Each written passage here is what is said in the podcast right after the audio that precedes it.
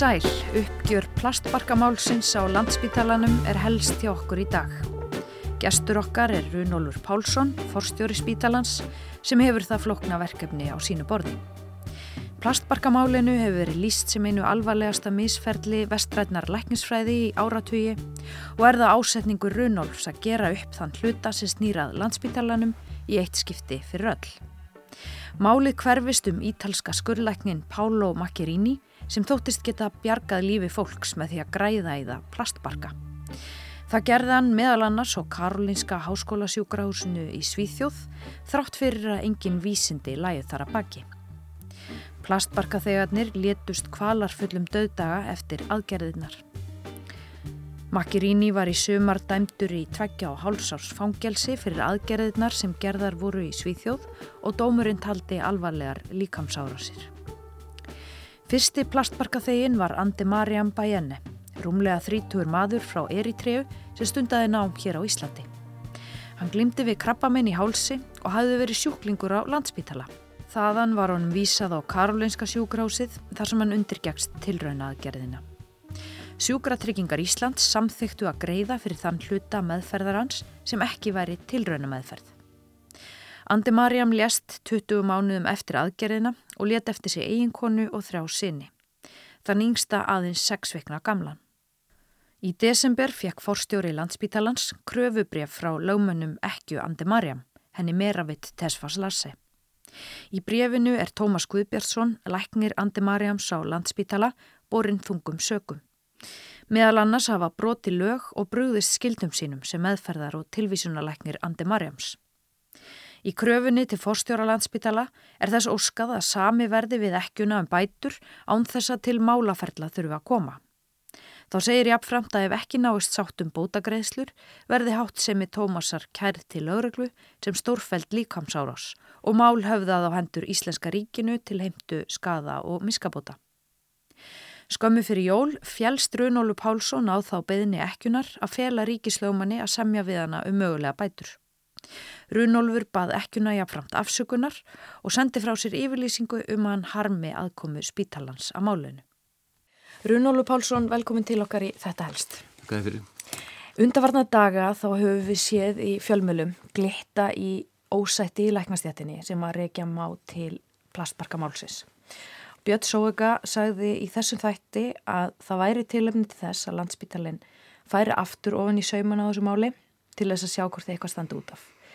Hvað er óuppgert í þessu máli að þínum andi? Ég, það er nú reyndar ímislegt. Eh, það er nú liðin eh, allan okkur ár síðan að skýsla rannsóknunemndar sem skipu var af þá var þetta fórstjóra landsbítala og rektor Háskóla Íslands uh, lág fyrir og þar koma fram margvíslegar aðfinnslur við stafsemi stofnana einhverjum landsbílala og, og stafsmanna þeirra. Og e, það hefur viðbröðin hafa satt þetta að segja verið frekar takmörk verði að segja. En e, það verið ákveðin tímamót í málinu á síðasta ári þegar e, dómur fjall í Svíþjóð þar sem Pálo Macchiarini var sakveldur fyrir alvarlega líkamsárás á hendur uh, Andi Marían Begine sem kom hérðan, fyrsti sjúklingurinn sem gegst undir plásbarka í græslu og svo tveimur öðrum einstaklingum.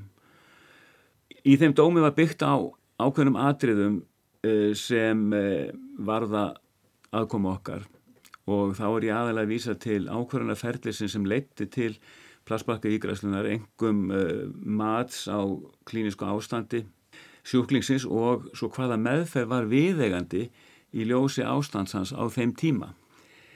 Nú það er auðvitað hárétt sem ítrekka hefur komið fram að Pála Macchiarini blekti fjöldalækna og fræðimanna og þar liggur megin ábyrðin í þessu máli hjá honum og, og Karolinska háskólasjúkrahásinu. En það breytir ekki þeirri staðreind að fyrsti sjúklingurinn, Andi Marjan Beine, hann var sjúklingur landsbítala og e, ófullkomni verkferðlar og óskýrar ábyrðalínur innan landsbítala skiptu máli í aðræðanda þessari tilvöna aðgerðar en ég tel sko útilokað að sjúklingar landsbítala sem vísað er til meðferðar á uh, erlendu sjúgrási og það er nokkuð sem við þurfum á til að gera. Það sem að e, bóðið er upp á tilvörna meðferð sem aldrei áður hefur verið gerð á manni, það að slík e, meðferð fari fram án mikill að rýni hér og stuðningi við einstaklingin sem ég hlut á og samþykki uh, þess að ganga stundur aðgerina. Þarna tel ég helst okkar ábyrg liggja þess vegna taldi ég við hæfa þessum tímapunkt og þetta er náttúrulega rýmar mjög vel við niðurstöður rannsónarskíslunar taldi ég rétt að stíga fram og, og lýsa yfir þessari ábyrg. Mm. Kom betur á því og eftir en þú segir að viðbröð við þessari skíslu hafi verið takmarkuð. Hvað áttu við með því? sko það hefur verið mikil umfjöldanum um þetta máli fjölmiðlum og kastljósi gætna verið beint að, að stafsmönnum en, en í rannsóknarskíslunni kemur fram ábyrgstofnana og, og, og vissulega hefur verið gengist að einhverju leiti við því en eftir öll þessi ár að þá hefur ekki að Andi Marjan beini engar bætur þeim fengi greittar ég tel að við okkur beri að eiga hlutdeild í því í ljósi aðkomu okkar að málunum þannig að svona mínu mati í ljósi sko, alvarleika málsins, þetta er eitt já, stærsta nexli og alvarlegasta mál sem komið hefur upp í læknisfræði á Vesturlöndum á undanfjöldum áratugum. Og eh, við höfum augljósa aðkomu að þessu máli hér á Íslandi og í ljósi þess finnst mér að eh, viðbróð hér hafi ekki verið fullnægandi. Fyrir jól þá sendur frá þér yfirlýsingu um að þú harmir þátt spítalans að þessu máli um, hvaða aðkomu spítalans er það sem þú harmar að hafa átt sér stað? Já, ég raunin í ljósi þess hversu hörmulega þetta fór alls að þá þá verð ég að segja að ég harma alla aðkomu spítalans að málinu mm. En til að gefa skýrra svar þá harma ég fyrst og fremst á staðrind að landsbítari skildi ekki búa yfir nægilega skýrum og tröstum verkverðlum til að koma í veg fyrir að Andi Marjan B. eini gengi stundi tilrönaðagerð sem var ekki byggð á vísindalegum grunni þar á með rannsóknum í tilrönadýrum. Andi Marjan B. eini, hann var ekki döðvona, hann var ekki í bráðri lífshættu, hann var vissulega með sjúkdóm sem að talin var líklega til að ógna heilsu hans og lífi í tímans rás en það, með öðrum orðum það var nægur tími til að ígrunda þetta vel.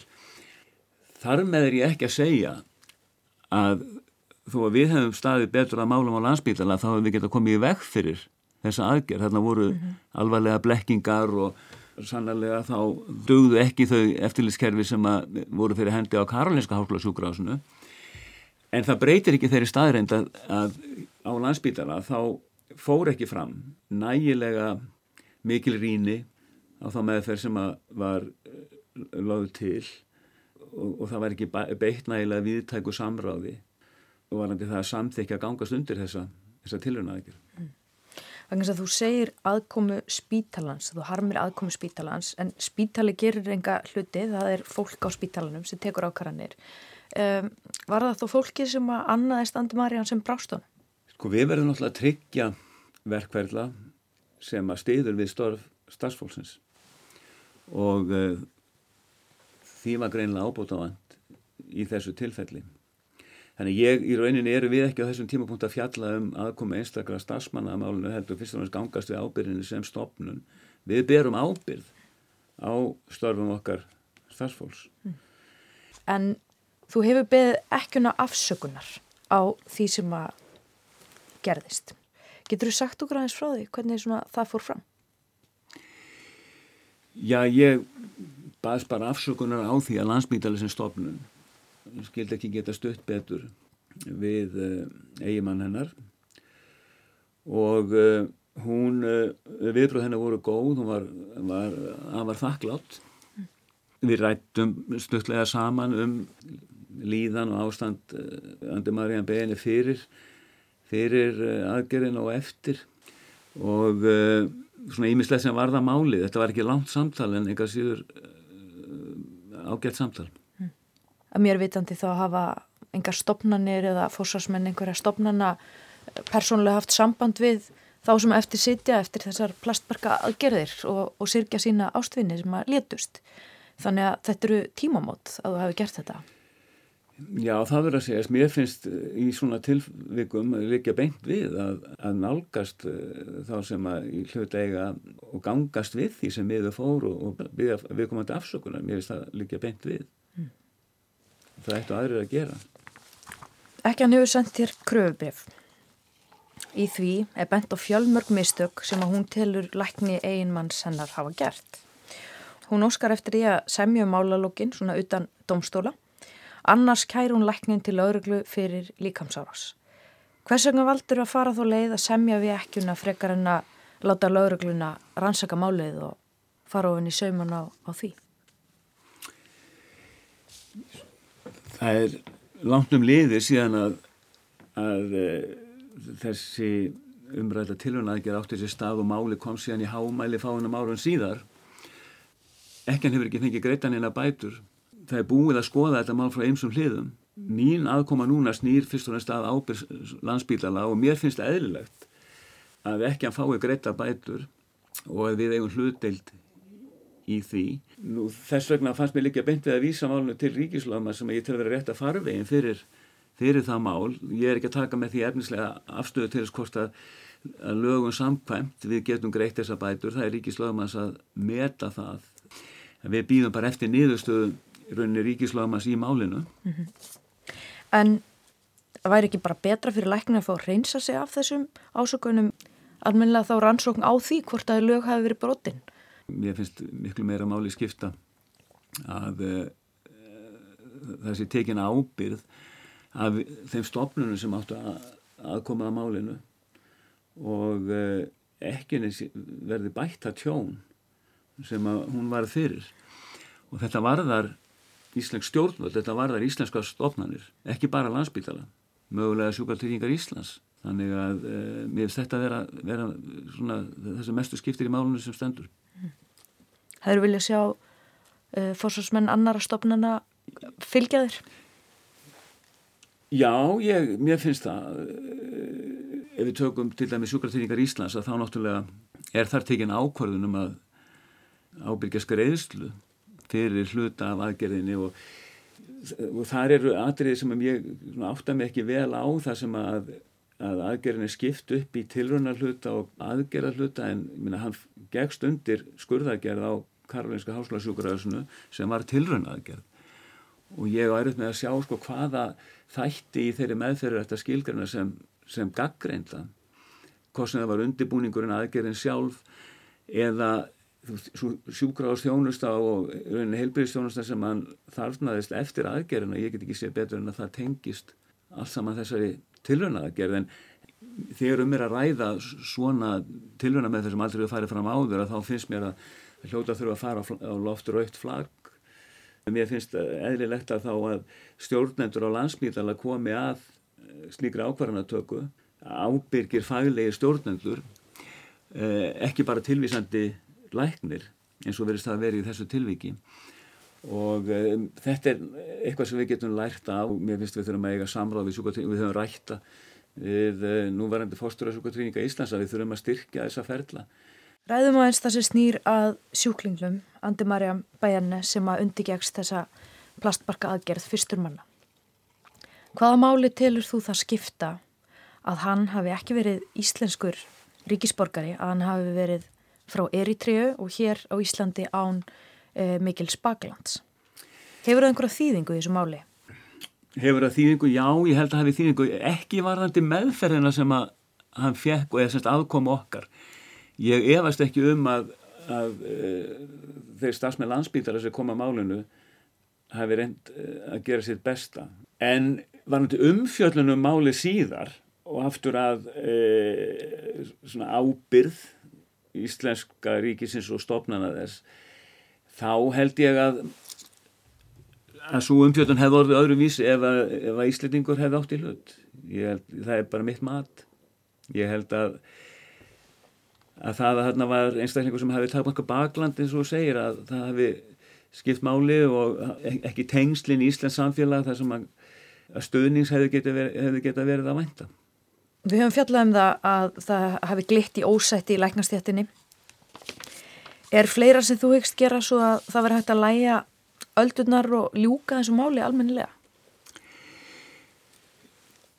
Já, það, eins og segir, það þarf að ljúka þessu máli á ábyrgan hátt, það er það sem vakið fyrir mér en það snýr fyrst og næst að því að greina þá þættir sem að hægt er að bæta í þjónustuferli spítalans e, á samt því að ég tel að mikilvægt að ferlar tilvísana til ennandar sjúkras og verði endur skoðaðir í samvinnu við sjúkatrykningar Íslands mm.